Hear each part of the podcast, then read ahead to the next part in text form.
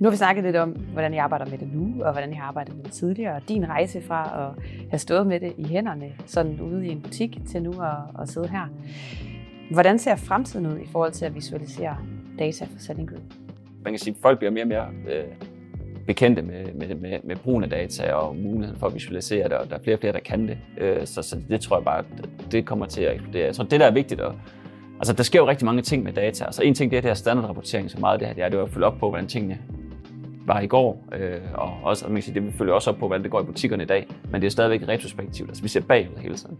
Det, der sådan er lidt interessant, det er også, hvordan du kan bruge det til at begynde at også forudse fremad, og sige, hvad er det så, der kommer til at ske i morgen, og ser vi nogle tendenser, vi skal til at følge op på, og hvordan de forskellige, og der, der kommer til at ske, og jeg ved ikke, om der er så meget visualisering i den del af det, men der kommer i hvert fald til at, at være nogle muligheder for at bygge nogle modeller, der kan hjælpe os med at forudse, hvordan, hvordan fremtiden ser ud, og Øhm, og, og det bliver bare mere og mere komplekst. Altså en ting, det var, tidligere så man bagud, og så bare på salgstal og på nedskrivninger og sådan ting. Men nu begynder man også at prøve andre faktorer ind, som jamen, hvad med konkurrenter, hvordan går det med dem?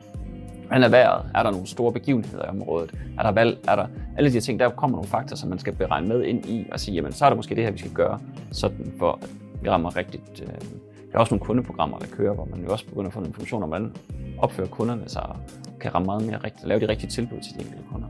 Så der, der sker rigtig meget. Øhm, og, og meget af det bliver ende ud i nogle simple visualiseringer, som, som der på en eller anden måde skal give et overblik og sige, virker det her eller virker det ikke? Og det er jo meget det, det handler om med visualisering der.